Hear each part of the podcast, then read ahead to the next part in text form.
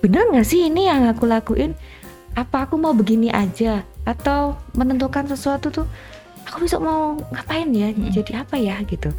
Dengan aku sekarang studi di sini. Jangan-jangan aku salah jurusan nih padahal udah semester 5 atau Iya, iya, semester iya. 6 atau yang sudah fresh graduate ketika dalam pekerjaan mereka mereka merasa nggak tahu apa-apa. Kenapa milenial itu justru butuh yang namanya quarter life crisis? Karena itu akan membuatmu lebih maju memsolidkan apa yang kamu mau sekarang hari ini di mana kamu masih punya waktu banyak banget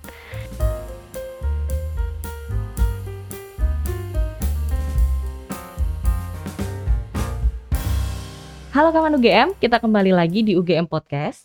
Masih bersama saya Astri dan sudah hadir narasumber kita pada pagi hari ini, Ibu Tri Hayuning Tias SPSI MA Psikolog. Beliau adalah psikolog dan dosen dari Fakultas Psikologi Universitas Gajah Mada. Halo Ibu, selamat pagi. Halo Mbak Astrid Eh, apa kabar Bu? Alhamdulillah baik Alhamdulillah.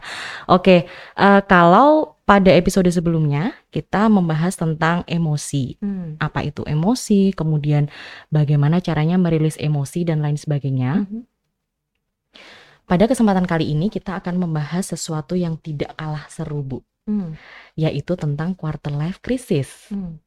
Quarter life crisis sekarang ini kan sudah menjadi istilah yang sangat populer di kalangan anak-anak muda ya, yang Mhm. biasanya mereka rentang usianya itu memasuki 25 tahun Mhm. yang kemudian rasa-rasanya tuh identik dengan kegalauan, Hmm. terus apa ya Bu ya kayak kecemasan gitu Mhm. tentang pencapaian-pencapaian atau masa depan mereka sendiri. Mhm. Tapi sebelum kita lebih lanjut membahas tentang apa sih quarter life crisis itu, kemudian bagaimana tips-tips untuk menghadapinya dan lain sebagainya. Yang pertama, kita harus paham dulu quarter life Hmm. crisis itu seperti apa gitu. Hmm. Oke, Mbak Astrid. Tapi sebelumnya makasih ya, saya sudah diundang di dalam podcast UGM kali ini. Senang bisa berbagi tentang beberapa hal. Nah, tadi Mbak Astrid menyampaikan eh, kemarin kita udah bahas tentang regulasi emosi gitu. Sekarang kita masuk ke quarter life crisis. Kayak- kayaknya nanti bakal sangat eh, terkait nih Mbak antara perlunya kita mempunyai kemampuan regulasi emosi dan eh, quarter life crisis ya dalam menghadapi quarter life crisis. Nah, betul banget apa yang dikatakan Mbak Astrid tadi. Sebelum kita mengkuplok-kuplok kita tahu apa sih sebenarnya quarter life crisis. Nah, si quarter life crisis sendiri ini kalau saya lihat ya, memang sih anak-anak muda sekarang milenial gitu ya kali ya. Milenial sering bicara tentang quarter life crisis begitu mereka merasa bingung terhadap satu hal pilihan atau merasa galau karena satu atau dua hal. Nah, quarter life crisis ini sebenarnya ini di psikologi kita mengenalnya dulu tuh namanya midlife crisis ya. Ingat ya, ada ya namanya Iya, midlife iya, crisis. betul. Ini mirip-mirip gitu. Cuman kalau dulu kita tahunya di midlife itu di pertengahan pertengahan baya usia sekitar 40 sampai 50 tahun. Nah, sekarang yang namanya krisis itu rupanya muncul juga di kalangan yang lebih muda. Dan itu memang sudah ada studi dari Harvard Business Review itu ada dipublish di sana dikatakan memang se- sekarang uh, uh, usia yang mulai mengalami masa-masa kesulitan, kemudian uh, situasi psikologis yang kurang menguntungkan itu lebih leb- semakin lebih muda dibandingkan di masa lalu. Dan sekarang kita mengenal yang namanya krisis di usia seperempat baya gitu ya. Oke. Nah, seperempat baya ini bisa dikatakan kurang lebihnya 25 tahun. Tapi kalau di referensi-referensi itu mengatakan akan dialami oleh mereka yang umurnya sekitar 20 sampai 30 tahun. Kita lihat kalau dap- dalam masa perkembangan, perkembangan di usia 20 tahun tuh biasanya udah eh, kalau mahasiswa tuh menjelang-menjelang mau lulus ya di Betul, semester betul semester banget. akhir gitu. Atau kalau yang mungkin eh, mulai mengalami krisis itu ada di tadi sekitar 25 tahun itu adalah early career atau fresh graduate Ya, yang sedang benar memulai ya. karir di awal-awal. Nah, itu memang banyak membahas tentang quarter life crisis karena banyak yang mengalaminya memang gitu. Dan dia adalah masa yang terjadi di antara tadi ya, di antara usia 20-30 tahun dan syarat dengan warna-warna kesulitan, kemudian ketidakpastian, keraguan, stres. Dan kalau yang mau mikir agak jauh-jauh tuh semacam apa ya? Semacam deep soul searching gitu. Oke. Iya, kalau kita Hmm. lihat apa uh, banyak pertanyaan-pertanyaan gitu ya, pertanyaan-pertanyaan. Benar nggak sih ini yang aku lakuin? Apa aku mau begini aja? Atau menentukan sesuatu tuh, aku besok mau ngapain ya? Mhm. Jadi apa ya gitu. Dengan aku sekarang studi di sini, jangan-jangan aku salah jurusan nih, padahal udah semester 5 atau Iya iya semester iya. 6. Atau yang sudah fresh graduate ketika dalam pekerjaan mereka, mereka merasa nggak tahu apa-apa di dalam pekerjaannya gitu. Sementara ngelihat yang lain-lain udah pada achieve sesuatu gitu ya. Nah, Gitu. itu. Hmm. Oke, jadi jadi paham ya Bu ya. Hmm. Berarti memang benar ya di kalau misalnya itu tuh lebih sering dialami oleh teman-teman yang mungkin seperti yang Ibu katakan tadi di akhir semester kuliah Mhm. mereka atau Mhm. fresh graduate gitu dan eh, informasinya ternyata lengkap banget nggak nyangka kalau ternyata quarter life crisis itu sampai rentang usia 30 tahun gitu ya. Bu ya. Oke, kalau eh, dari penjelasan Ibu tadi Mhm. ciri-cirinya selain galau, selain eh, bingung, cemas itu ada nggak Bu ciri-ciri lain yang Dari menggambarkan kita sedang ada di quarter life crisis itu? Ya, eh karena memang eh, banyak ya teman-teman muda sekarang ini. Untungnya teman-teman muda milenial sekarang ini tuh nggak nggak seenggan generasi sebelum-sebelumnya untuk mendatangi profesional. Hmm, Apakah konselor, apakah itu psikolog.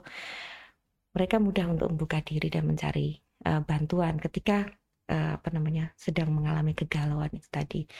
Meskipun tidak terjadi pada semua anak muda tentunya ya, tergantung ma- masing-masing. Nah, kalau cirinya itu memang banyak ya, Mbak. Eh, karena kalau kita tanya apakah semua anak muda itu mengalami quarter life crisis, saya akan mengatakan mereka akan mengalami suatu situasi yang mirip itu, tetapi belum tentu masuk yang namanya crisis. Karena ada kata kuncinya krisis di sini, gitu. Eh, pada dasarnya kan kalau kita di remaja nih waktu SMA itu kan lagi sibuk-sibuknya membangun jati diri katanya ya, bangun jati diri mencari who am I gitu. Masuk ke apa namanya ke universitas itu usia di perguruan tinggi, mereka juga eh, semakin membentuk itu, tapi sekarang udah lebih terarah karena mereka sudah agak, agak lebih kebayang gitu ya. Besok mau ngapain karena sudah dengan background studi yang lebih mengarah. Ternyata itu tidak benar kan? Ketika sudah sampai di semester-semester akhir, ternyata kita bisa ke semua hal, tidak melulu tentang apa yang sedang kita yes, pelajari betul banget. gitu. Nah, bahkan yang sudah yakin tentang karirnya sekalipun bahwa misalnya dari teknik jelas nih mau jadi apa gitu, misalnya dokter jadi mau jadi apa, relatif begitu ya, lebih jelas gitu. Tapi juga bisa tiba-tiba bertanya, beneran nih yang akan kulakukan seumur hidupku nanti? Iya, iya. Seberapa meaningful itu gitu. Nah, kita balik lagi tadi ke, ke tanda tanya isinya, eh, ketika itu krisis, maka segala sesuatunya lebih intens daripada yang mereka mengalami masa-masa menanyakan hal-hal tentang masa depan mereka, tentang karir mereka, tentang apa yang matters ya, apa yang penting dalam hidup mereka yang akan mereka jalani sepanjang hidup mereka nanti. Mereka berpikir kalau mau masuk ke dunia kerja, kemudian punya karir, kan akan sepanjang hidup tuh dengan itu. Iya. Nah, eh, itu hal yang biasa yang akan perlu dipikirkan orang mulai eh, berpikir, kemudian mempertimbangkan, kemudian menentukan. Dan ketika kita mengambil keputusan, kita mau melakukan apa itu untuk masa depan kita atau pekerjaan kita kah? Atau juga bisa dengan isu relationship, karena biasanya usia segitu mulai arah pacarannya dari lebih serius, mengarah pada pernikahan dan seterusnya atau hubungan lebih serius tidaknya. Nah, itu harus ada ada keputusan yang diambil di sana. Semuanya akan berpikir dan menimbang sesuatu. Tapi mereka yang mengalami krisis akan melihat itu sebagai kebingungan yang luar biasa. Mm-mm. Jadi eh, segala sesuatunya bagus semua atau segala sesuatunya jelek semua. Jadinya nggak tahu, nggak yakin memutus, memutuskannya seperti apa. Jadi itu yang khas itu adalah kesulitan dalam pengambilan keputusan. Keputusan ya kita bisa bilang in- indecisive, nggak bisa mengambil keputusan atau ke- diliputi keraguan-raguan ketika harus mengambil menentukan suatu pilihan atau ambivalen. Jadi udah mengambil satu keputusan tapi berpikir kayaknya yang itu juga bagus ya. Aduh, udah bener nggak ya aku ngambil keputusan yang ini semacam itu. Nah, jadi kesulitan mengambil keputusan itu yang yang sangat menonjol. Ciri yang lain ini hal yang umum juga ya sebenarnya. Eh, em, satu hal yang yang yang agak khas juga dari mereka yang mengalami quarter life crisis itu adalah eh dia punya tindakan yang kurang matang atau kita bilangnya impulsif. Ya, impulsif. Jadi kalau misalnya quarter, uh, quarter life crisis itu dia mengalaminya dalam hal uh, yang ter, paling terdampak adalah bagian hubungan dia, ya. Karena satu yang khas juga ya karena quarter life crisis itu ada stage-nya mbak. Jadi dia ada tahap-tahapnya biasanya di tahap yang pertama tuh orang akan merasa merasa trap merasa terjebak. Aku udah di sini aku harus nyelesain ini kalau sekolah. Aku udah ada di relationship ini aku sudah sejauh ini jadi aku harus selesai sampai ke pernikahan gitu. Atau Uh, tapi aku nggak happy. Aku merasa aku pengen melakukan banyak hal yang lain sekali selain relationship ini. Misalnya itu kalau relationship. Nah, atau terjebak dengan uh, pekerjaan yang baru, yang baru dia masukin untuk fresh graduate. Dulu perjuangannya sampai di sini, dia bahkan berjanji untuk untuk stay di company ini berapa lama, tapi di tengah-tengah baru setahun jalan um, udah nggak enjoy yakin. Gitu. Mungkin saya nggak bilang setahun ya, bahkan bulan ya. Kalau yeah. milenial itu sangat sangat dinamis mereka uh, apa movingnya cepat gitu. Dua tiga bulan kalau udah nggak klik gitu pindah gitu. Itu bisa sangat bisa terjadi. Nah itu jadi yang saya bilang klik nggak klik pindah gitu. Terus ketika relationship nggak anu, mumpung belum sampai mana-mana, aku break dulu deh atau aku malah nggak dulu deh aku tak fokus ke hal yang lain. Nah itu impulsif ya. Tindakan-tindakannya cenderung impulsif dan nggak nggak berpikir panjang tentang apa yang akan menjadi dampaknya. Itu menjadi salah satu yang um, cirinya yang lain ya dari dari si quarter life crisis itu. Hmm, ada banyak sepanjang yang lain gitu. Misalnya uh, merasa sendirian. Oke. Okay saya nggak bisa bilang loneliness ya, tapi lebih pada dia merasa terpisah dan sendiri gitu. Dan dia yang mengalami itu sendiri dan dia merasa nggak cukup pada orang yang mengerti tentang dirinya. Dia nggak cukup merasa connect dengan lingkungan sekitarnya. Dan ini terutama yang sering terjadi merasa terisolasi atau sendirian itu mereka yang yang apa terpicu mengalami krisis ini ya pemicunya itu adalah komparasi dengan teman sebaya atau teman-teman yang dia lihat di sosmed, sosial media. Biasanya kalau sosial media itu kan suka mengekspos keseluruhan hidupnya tuh ceritanya. Kalau story Bahkan yang kita nggak pengen tahu hmm. itu orang dengan sukarela membagikan, membagikan gitu, ya, gitu. Dan itu komparasinya itu bisa hadir dari diri dia sendiri ataupun bahkan dari orang lain gitu. Betul banget, betul banget. Dan kalau orang udah krisis itu kan dia nggak sedang nggak nggak jelas ya. Seperti loss of direction ya dia nggak punya arah, dia kehilangan goal Nah, seperti orang kehilangan gua mau ngapain nggak jelas sih goalnya gitu.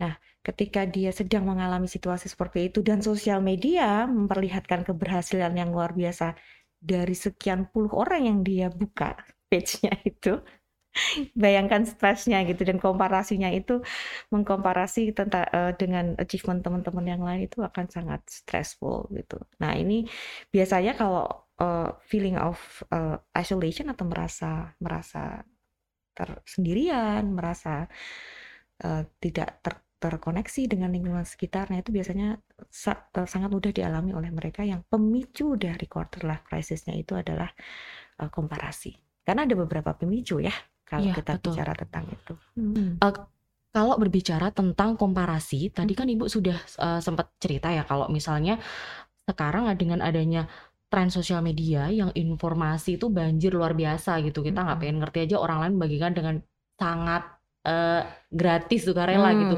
Di dan kadang tuh sayangnya kita menerima informasi itu sedang tidak dalam keadaan baik gitu mungkin. Hmm. Jadi muncul perasaan-perasaan seperti itu dan muncullah istilah fear of missing out atau FOMO gitu -hmm. di mana orang kalau aku nggak join the hype itu aku nggak nggak nggak modern nih aku ketinggalan zaman nih aku out of date nih kayak gitu-gitu. -hmm. Nah perasaan-perasaan seperti itu Bu. Kalau misalnya tidak tertangani dengan baik itu dampaknya kira-kira kayak gimana? Hmm. baik yang mengalami quarter life crisis atau yang tidak? Ya ya. Ya si fear of missing out itu itu sebenarnya seperti semacam fenomena ya. Fenomena atau fenomena kalau karena itu satu yang uh, yang memang eksis gitu, memang ada dan dialami oleh sebagian orang, maka muncullah dia men, orang membuat labelnya namanya fear of missing out. Dan itu merefleksikan uh, dengan percepatan apa namanya uh, teknologi sekarang ini apalagi di masa pandemi mungkin ya itu amplify gitu. Iya, Yang sebelum pandemi aja udah begitu gitu ya. Orang uh, terutama anak muda kita ini uh, millennials ini mereka uh, sangat ingin mengetahui segala sesuatu secepat mungkin. Kalau misalnya sampai di kampus nggak dengar sesuatu yang lain sudah bicarakan dia nggak tahu rasanya cemas ada uh, gitu uh, uh, ke mana aja aku gitu. Betul. nah atau mungkin nggak usah kampus ya kalau di pandemi sekarang di WA group atau di percakapan di sosial sosial media yang iya, lain iya loh bu. Luar biasa loh gitu banget. Nah uh, untuk mereka yang mengalami krisis ini menjadi satu tekanan. Fear of missing itu benar-benar fear gitu ya. Sampai kalau di psikologi itu ada instrumen untuk mengukurnya seberapa FOMO wow. intensity-nya. Oh, oh ya okay. kerjaan psikologi kali ya. iya. ya nah nah uh, tetapi uh, tampaknya ini sesuatu yang uh, pada taraf tertentu itu wajar wajar ya dalam artian kalau kita bisa mengakses informasi demikian cepat keinginan kita untuk mengetahui segala hal cepat itu ya wajar gitu. Namun mereka yang mengalami krisis ini sangat berbeda intensity yang di apa pressure ya tekanan yang ditimbulkan akibat ketidaktahuannya atas informasi itu uh, uh, sangat kuat gitu. Dan uh, kemudian kalau kemudian dibiarkan tadi pertanyaan Mbak Astrid adalah kalau dibiarin terus gimana nih dampaknya? Pressure ini bisa bisa menjadi semakin kuat kalau misalnya seorang ini mengeneralisasikannya kepada semua hal. Nggak ngerti tentang artis yang hari ini ngapain gitu ya. Hmm. atau nggak tahu kalau kalau saya sih nggak tahu kalau harga BBM naik kecuali ketika betul betul. Tapi saya nggak ngerasa missing out gitu tuh iya. much gitu ketika bayar loh kok lebih mahal gitu nggak apa-apa. Tapi atau misalnya uh, lihat teman-temannya udah sampai luar negeri, udah sampai nah. Bali, kok aku masih di rumah aja ya gitu. Iya. Kayak gitu-gitu juga ya bu. Itu salah satu achievement ya ketika okay. orang sudah sangat moving, seakan-akan orang orang lain tuh sudah sangat jelas uh, direction hidupnya. Uh -uh. Aku masih di sini aja dan ngapain gitu, apa yang aku buat gitu. Nah itu membuat orang jadi lost directionnya. Nah kalau kita uh, yang missing out yang lain yang kemudian semakin intens dia bisa menjernalisasikan ke hal lain dalam hidupnya. Maksudnya begini, misalnya tadi ya contohnya Mbak Astrid ngeliat fotonya temennya foto di Menara Eiffel gitu, Is, udah nerusin sekolah dia di iya, sana. Ya, betul. Gitu. Itu it's yang udah nggak usah jauh-jauh di Eropa di Singapura aja ternyata ada conference di sana atau ada ada ada dia jadi intensif di sana. Nah, itu kan membuat panik gitu ya. Nah, kalau yang krisis itu membuat panik dalam artian yang sesungguhnya. Aku sampai di mana di situ. Nah, kalau itu kemudian terjadi generalisasi, oh ini udah sampai sana, ini udah itu. Wah, uh, mereka semuanya sudah maju, semua orang sudah mendapatkan jalannya dan udah ngerti. Hanya aku yang nggak tahu ke mana dan nggak jelas. Meskipun orang-orang lihat kayaknya aku wah tapi enggak nih. Aku nggak ke mana-mana gitu loh. Aku nih ternyata nggak tahu apa-apa ya. Aku tuh nggak bisa nentuin jalan hidupku. Aku dan aku nggak bisa apa-apa kerasa nggak generalisasinya? ya, betul. akhirnya sampai pikir bahwa aku nggak bisa ngapa-ngapain bahwa aku nggak melakukan sesuatu yang meaningful. Cuman gini aja gini aja. sampai sini aja gitu ya bu. Dan ini mau sampai kapan? Besok pagi perasaan masih ada besok lagi masih ada. Akhirnya aduh aku bakal selamanya kayak gini. Ah aku emang nggak ada anu nggak ada artinya aku.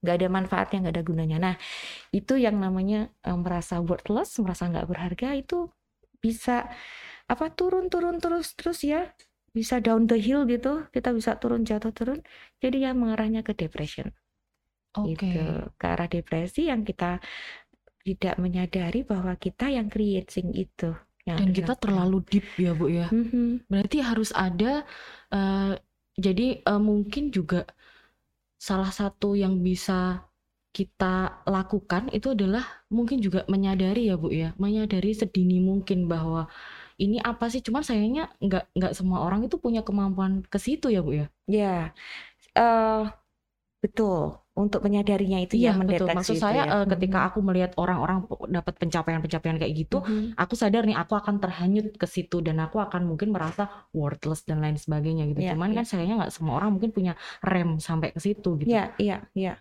Betul banget Mbak Astrid. Uh, kalau kita lihat dari referensi ya, cukup banyak yang berbicara mengenai stages ya, stages atau uh, fase dari uh, quarter life crisis ini. The good newsnya adalah mungkin ini akan dialami oleh banyak orang fenomenanya, tetapi tidak semuanya fall into crisis yang tadi saya bilang. Tidak semuanya mengalami krisis. Kalaupun sebagian anak muda mengalami krisis, sebagian besar sangat banyak bagian dari anak muda yang mulai krisis ini tuh survive, artinya akan get through gitu si quarter life crisis. Karena sekalipun itu krisis siapa sih dalam kehidupan yang tidak pernah mengalami krisis kita Gak ada. Iya. bener. Iya kita bisa bilang saya barusan bilang quarter life uh, crisis itu yang dialami itu dialami oleh semua anak muda untuk menentukan ini dan itu. Tetapi yang sampai ke krisis nggak semuanya. Gitu. Oke. Okay. Uh, tetapi kalaupun harus sampai ke krisis uh, dengan atau tanpa pemicu, kadang-kadang soal tanpa pemicu ya mbak ya, tanpa pemicu dia sampai di situ. Uh, sebagian besar dari mereka bisa melaluinya dengan sangat baik. Nah, um, saya tadi mau bilang apa? Oh ya, saya mau bilang bahwa stage ya, ada fase-fasenya. Jadi kalau di uh, quarter life crisis itu ada fase pertama yang khas gitu, fase pertama tuh merasa terjebak, feeling trap gitu ya. Nah, terjebak pada situasi di mana um, dia berada, apa pun itu konteksnya. Relation tadi saya bilang hubungan, apakah itu hubungan romantis kah atau hubungan toxic. Uh, bisa tuh apalagi hubungan toksik iya jelas ya. banget kalau udah Betul. kalau dengan toksik kayaknya itu nanti isunya lain, lain lagi tapi memang bisa kemudian mengarah ke krisis ya itu ya. Kemudian uh, bahkan hubungan yang sebenarnya tidak toksik pun settle settle aja tenang-tenang aja mungkin sudah tiga tahun selama di selama kuliah gitu berhubungan tiba-tiba chaos. Oh bener ya? Makanya kayak banyak denger cerita gitu kayak kayaknya kita break dulu deh. Kayaknya kita udah dulu. Kenapa? Padahal nggak ada apa-apa gitu. Oh oke, okay. jadi paham. Iya, yeah. itu sangat sangat mungkin terjadi eh, seperti kalau orang memisahkan itu uh, seperti tiba-tiba ini saya jadi ingat kartun dirinya tiba-tiba jatuh dari langit gitu loh iya. jebret yeah. gitu terus merasa bahwa hubungan yang settle is this apa betul ini yang aku inginkan dengan yang seperti ini dan seterusnya gitu. Nah ini dan dan dia mungkin udah menemukan banyak pertanyaan tentang relationnya dia. Padahal baik-baik aja, nggak ada nggak ada konflik, nggak ada apa. Tapi ya memang sih mungkin gitu-gitu aja gitu ya. Padahal gitu-gitu aja itu mungkin maksudnya bisa jadi itu penanda dari settle atau penanda dari sesuatu yang lain. Kan tinggal ditanyakan tuh. Kita tinggal bertanya gitu what is it? Apa yang membuatmu nggak kalau dari relationship ya apa yang membuatmu merasa nggak into lagi gitu nggak ngerasain lagi ada satu yang missing? Nah merasa sesuatu yang missing tuh mbak itu salah satu ciri orang mengalami quarter life crisis juga. Ini ada sesuatu yang hilang dalam hidupku tiba-tiba dia jadi empty semacam empty ya semacam empty terus ada urgency untuk menemukannya dan membuat satu perubahan. Tapi nggak tahu itu apa dan kalaupun sampai ketahuan itu apa nggak tahu gimana memperbaikinya. Contohnya tadi kalau di relationship gitu ada yang missing gitu. Tapi nggak tahu. Cobain cari tahu gitu. Kayaknya ini kayaknya kayak ini. Terus mau diapain?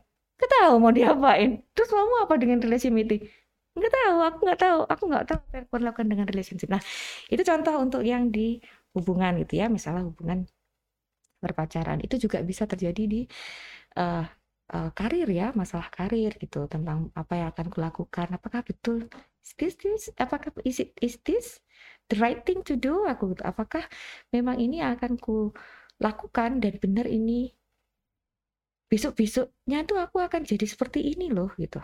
Nah, ini ada perasaan trap ya. Ini perasaan trap. Nah, kalau sudah uh, itu yang akan intens banget di sana, Fase selanjutnya itu yang disebut sebagai fase orang akan mengalami yang namanya aspiration atau apa namanya ada perpisahan di situ terhadap sesuatu yang tetap tadi yang menjebak dia. Apakah kemudian itu break? Kayak tadi Mbak Astrid bilang di hubungan aku break dulu gitu. Break uh, atau kalau itu karir karir luar oke. Okay. biasanya kan mudah ya mereka atau di tengah-tengah itu mereka masih kerja tapi sudah apply ke 10 perusahaan yang Iya, lain. iya, iya, benar, benar, benar. Banyak komplain nih. Betul.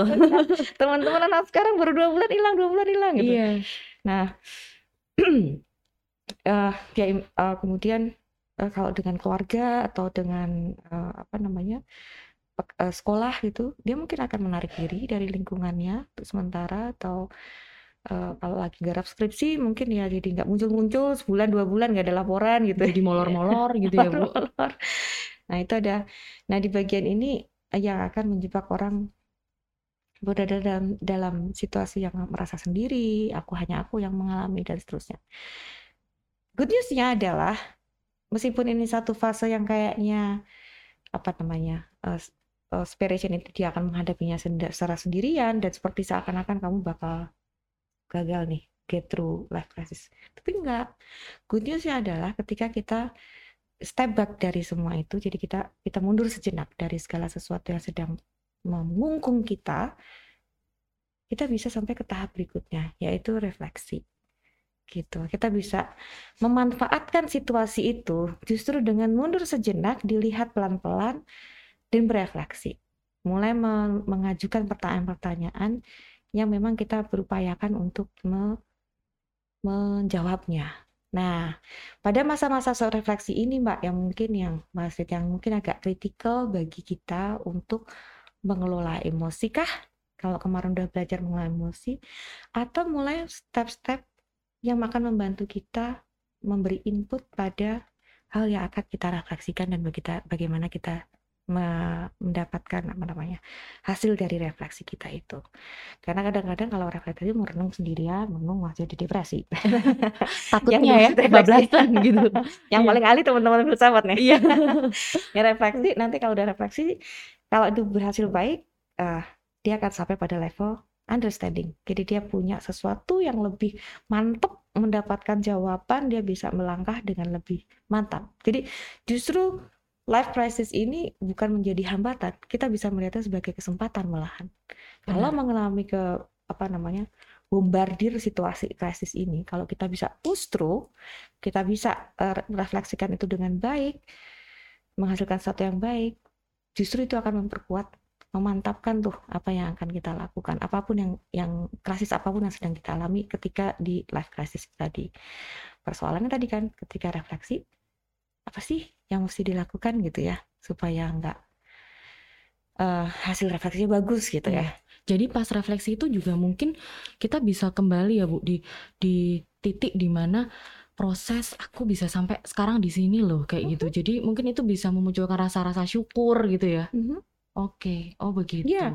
Nah, eh, proses refleksi ini kan kita niatkan sebagai refleksi. Nomor satunya dulu waktu kita ada dalam roller coasternya si life crisis dengan banyaknya kebingungan, perasaan mau berubah tapi nggak tahu apa yang harus diubah dan gimana, oh, nggak Mau jelas gitu ya.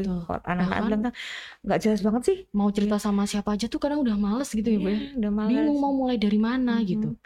Nah, ketika mengalami itu semua, semua serba dipertanyakan, kemudian mau ubah nggak tahu ubahnya apa. Yang pertama kali disadari, eh, yang perlu dipahami dulu gitu ya. Ya memang menerima, wih, aku mungkin sedang mengalami krisis ini nih, gitu. Itu dulu tuh, di menerima bahwa situasinya emang begitu.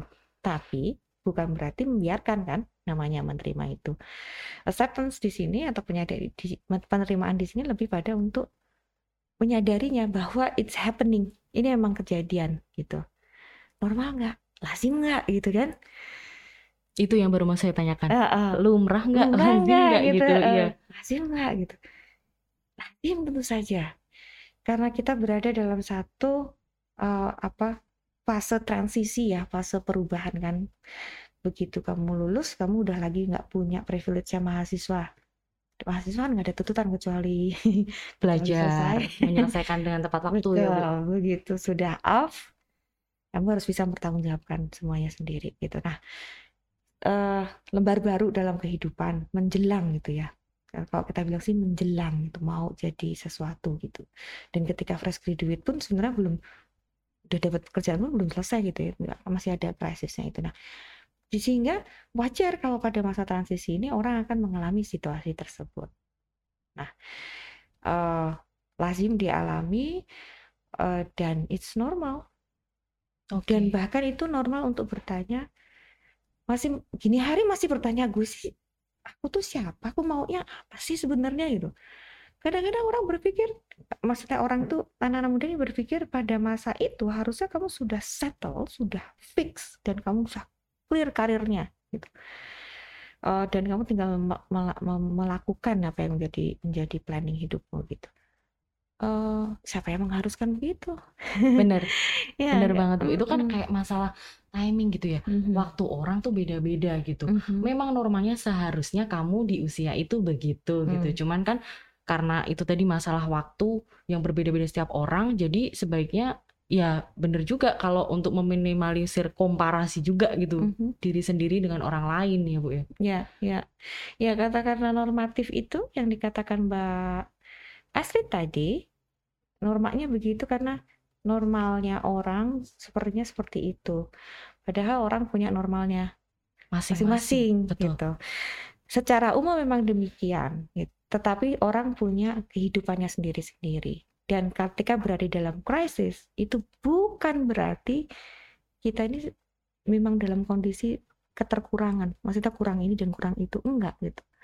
Justru by the way juga yang mengalami krisis itu justru orang-orang yang ini anak-anak muda yang memang mau maju gitu.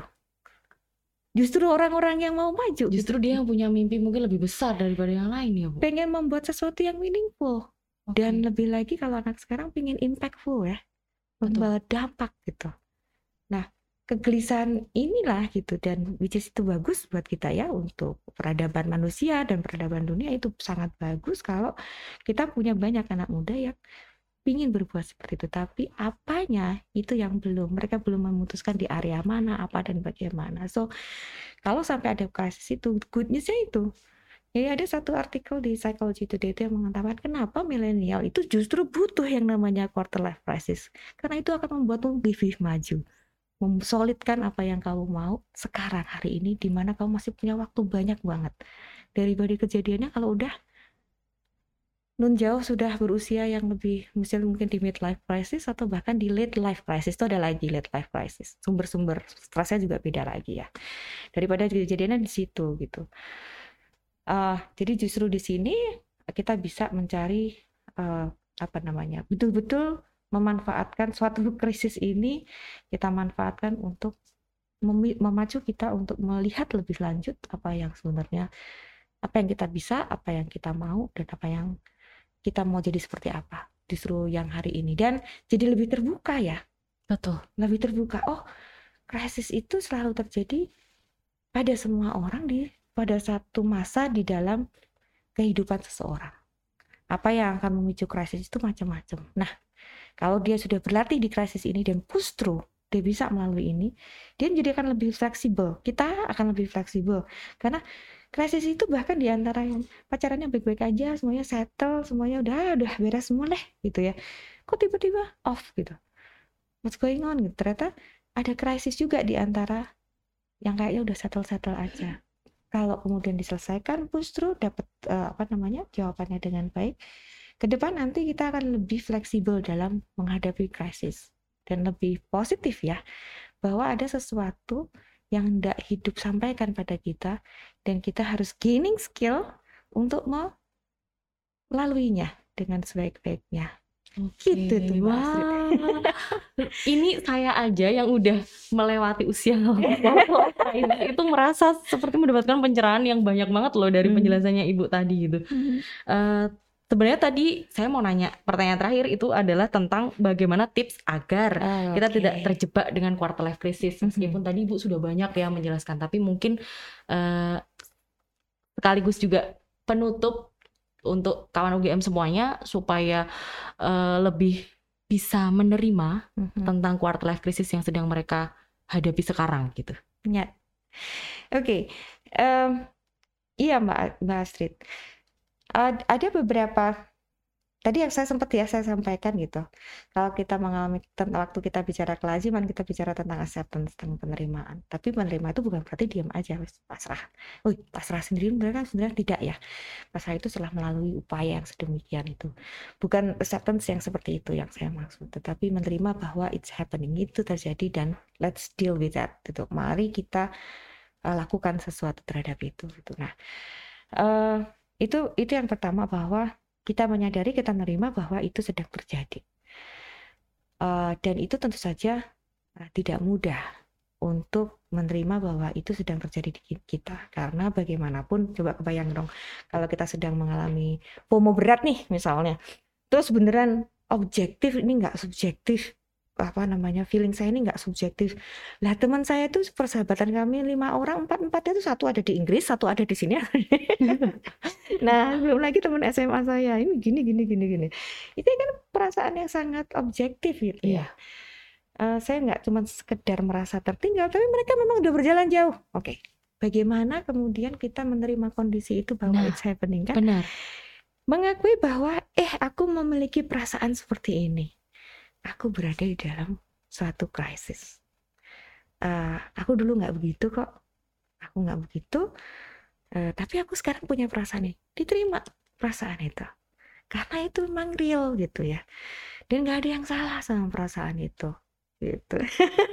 nggak ada yang salah. Nah, terus uh, tadi aku meminjam uh, apa kalimatnya Mbak Astrid.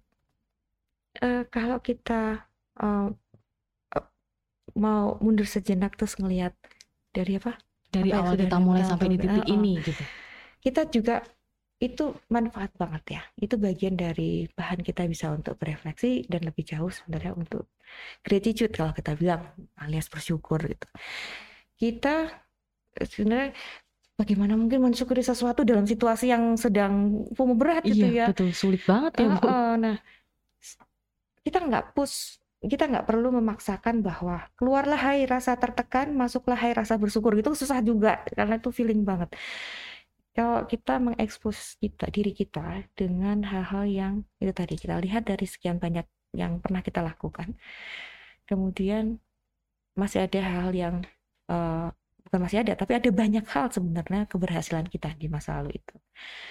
Dan kamu lihat quality, kita lihat quality apa yang kita punya di saat itu, yang membuat kita bisa mencapai itu. Kualitinya kita loh ya, bukan perkara dulu aku pernah juara ini, aku pernah juara ini.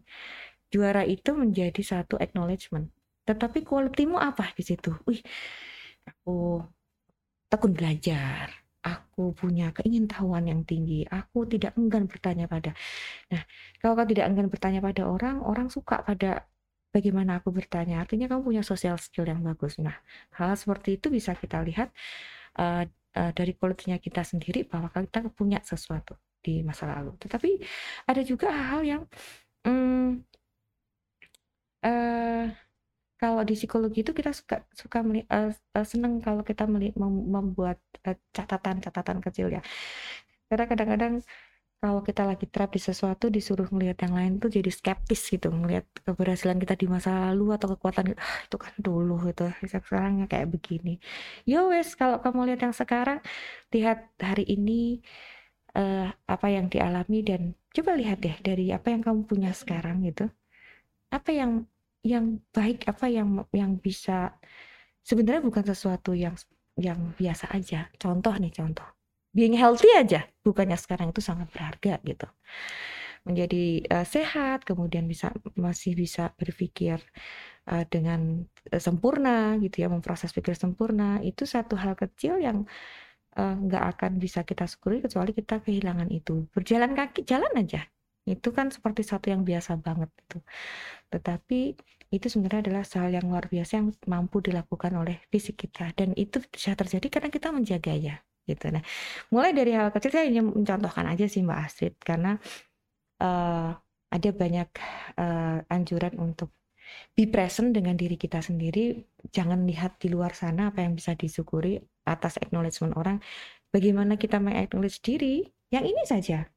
Yang pada saat ini nih sepanjang saya bicara dengan Mbak Astrid sekarang ini ada banyak hal yang bisa saya syukuri gitu.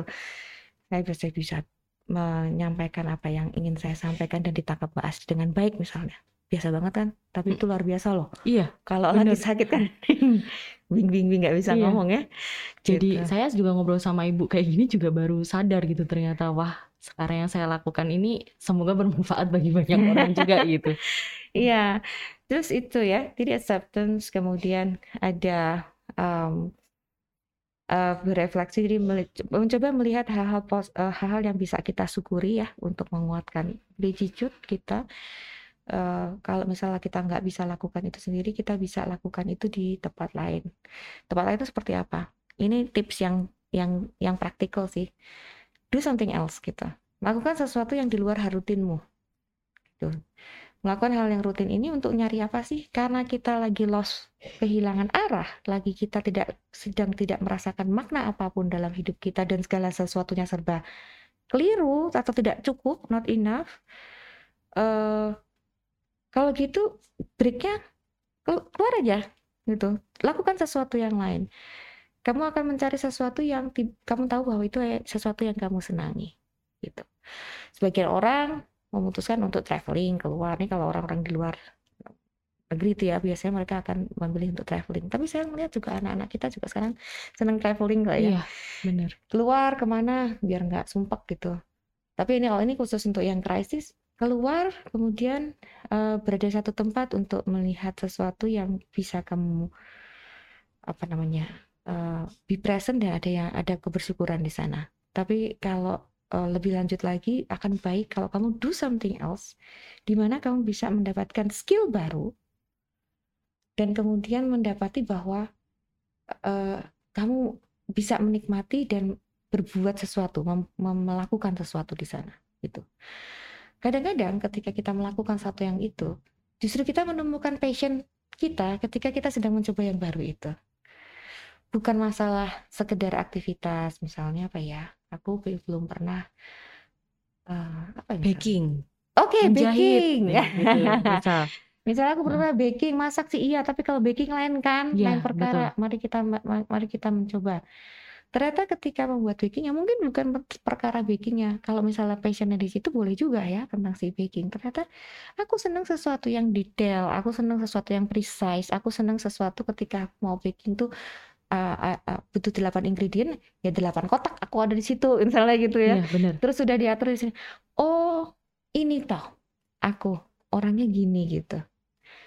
Bagus lagi, tips berikutnya adalah getting some support. Ketika melakukan itu, mungkin kita tidak melakukannya seorang sendiri. Mungkin akan lebih baik demikian. Kita melakukannya dengan beberapa teman atau beberapa orang yang mungkin mengalami life crisis yang sama.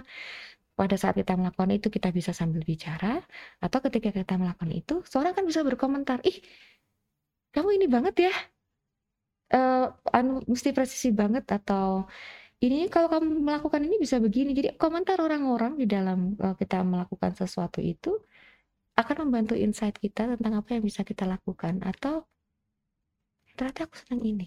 Nah, itu tuh bisa muncul karena feedback dari dari peers ya, dari orang-orang yang bersama dengan kita itu. Dan em, memang anjurannya refleksi itu kan kayaknya merenung seorang sendiri. Perenungan ya memang sendiri, refleksinya emang sendiri. Tapi ketika kita mencari bahan untuk yang reflect, itu justru kita dapatkan dari orang-orang sekitar kita. Tuh, jadi get some support dari mereka, nggak perlu apa namanya merasa ih kok ngalami krisis sih gini amat gitu loh apalagi Iya. kalau masuk UGM gitu loh tapi kok gitu amat enggak eh teman atau siapa pun bisa mengalami itu at some, at some point dalam hidup mereka. So, Tidak ada salahnya kita terbuka, Betul. kemudian kita ngobrol, kemudian kalau ah, temenin aku yuk, aku pengen eh, nggak tahu kenapa aku pengen hiking nih gitu. Iya. Pengen lihat Merapi, apa kabar dia? Ngeri gak sih sekarang? Siapa? benar. Do something else ternyata mungkin ada satu apa experience baru ketika melakukan sesuatu yang sama sekali baru itu yang justru akan membuat kita mendapatkan insight yang lebih baik. Nah itu apa namanya eh, tips yang ringan ya. Jadi Iya, betul. artinya setelah kita mengakui, kemudian kita mencoba untuk berefleksi. Ketika kita berefleksi itu kita coba hal-hal yang baru, kemudian mencari connection ya. Maksud saya connection itu support ya, support dari sosial kita. Dan terakhir mungkin ini. Be patient dengan diri sendiri ya. Sabarlah dengan diri sendiri. Kita kita kadang-kadang dituntut untuk selalu mengerti orang atau patient sama orang ya, uh, sabar atau affectionate gitu pada orang lain. Tapi kali ini ketika mereka krisis sabarlah sama dirimu sendiri. Karena kalau kali krisis itu rasanya pengen cepat segera pengen keluar dari situasi itu pengen segera ah jadi gue lagi Iya, gitu ya. betul. yang jelas itu nah tenang tenang. Be patient gitu. Kamu akan get through itu asal kamu memprosesnya nanti kamu akan dapat lagi jawaban-jawabanmu dan kamu akan sampai pada tahap akhirnya understanding. Kamu akan understand you better gitu. Akan dapat lagi dan siap untuk berjalan lagi Wow. gitu. Wow. Oke, oke, oke. Eh, tipsnya eh, sangat mudah untuk diterima dan semoga juga mudah untuk dipraktekkan ya Bu ya untuk kawan UGM semuanya. Terakhir Ibu, pesan-pesan untuk kawan UGM semuanya yang sedang mendengarkan podcast ini Hmm. apa eh, kemungkin yang sedang mengalami quarter life crisis dan lain sebagainya? Hmm, ya, eh kalau teman-teman UGM gitu ya, teman-teman masa UGM atau yang lainnya ya, yang masih anak muda, percaya eh, bahwa quarter life crisis itu bukan sesuatu yang eh, akan meruntuhkan kita. Justru quarter life crisis kalau memang itu kita alami, itu akan memperkuat kita. Dan it depends on us ya, tergantung pada diri kita sendiri kita mau eh, apakan itu. Nah, jadi yakin deh eh, itu akan dilalui. Yang perlu kita lakukan adalah melakukan effort kita ya cukup untuk bisa melalui itu dan akan sampai pada stage berikutnya untuk berbuat eh, yang lebih. Kalaupun stuck banget gitu, nggak apa-apa banget untuk datang ke profesional.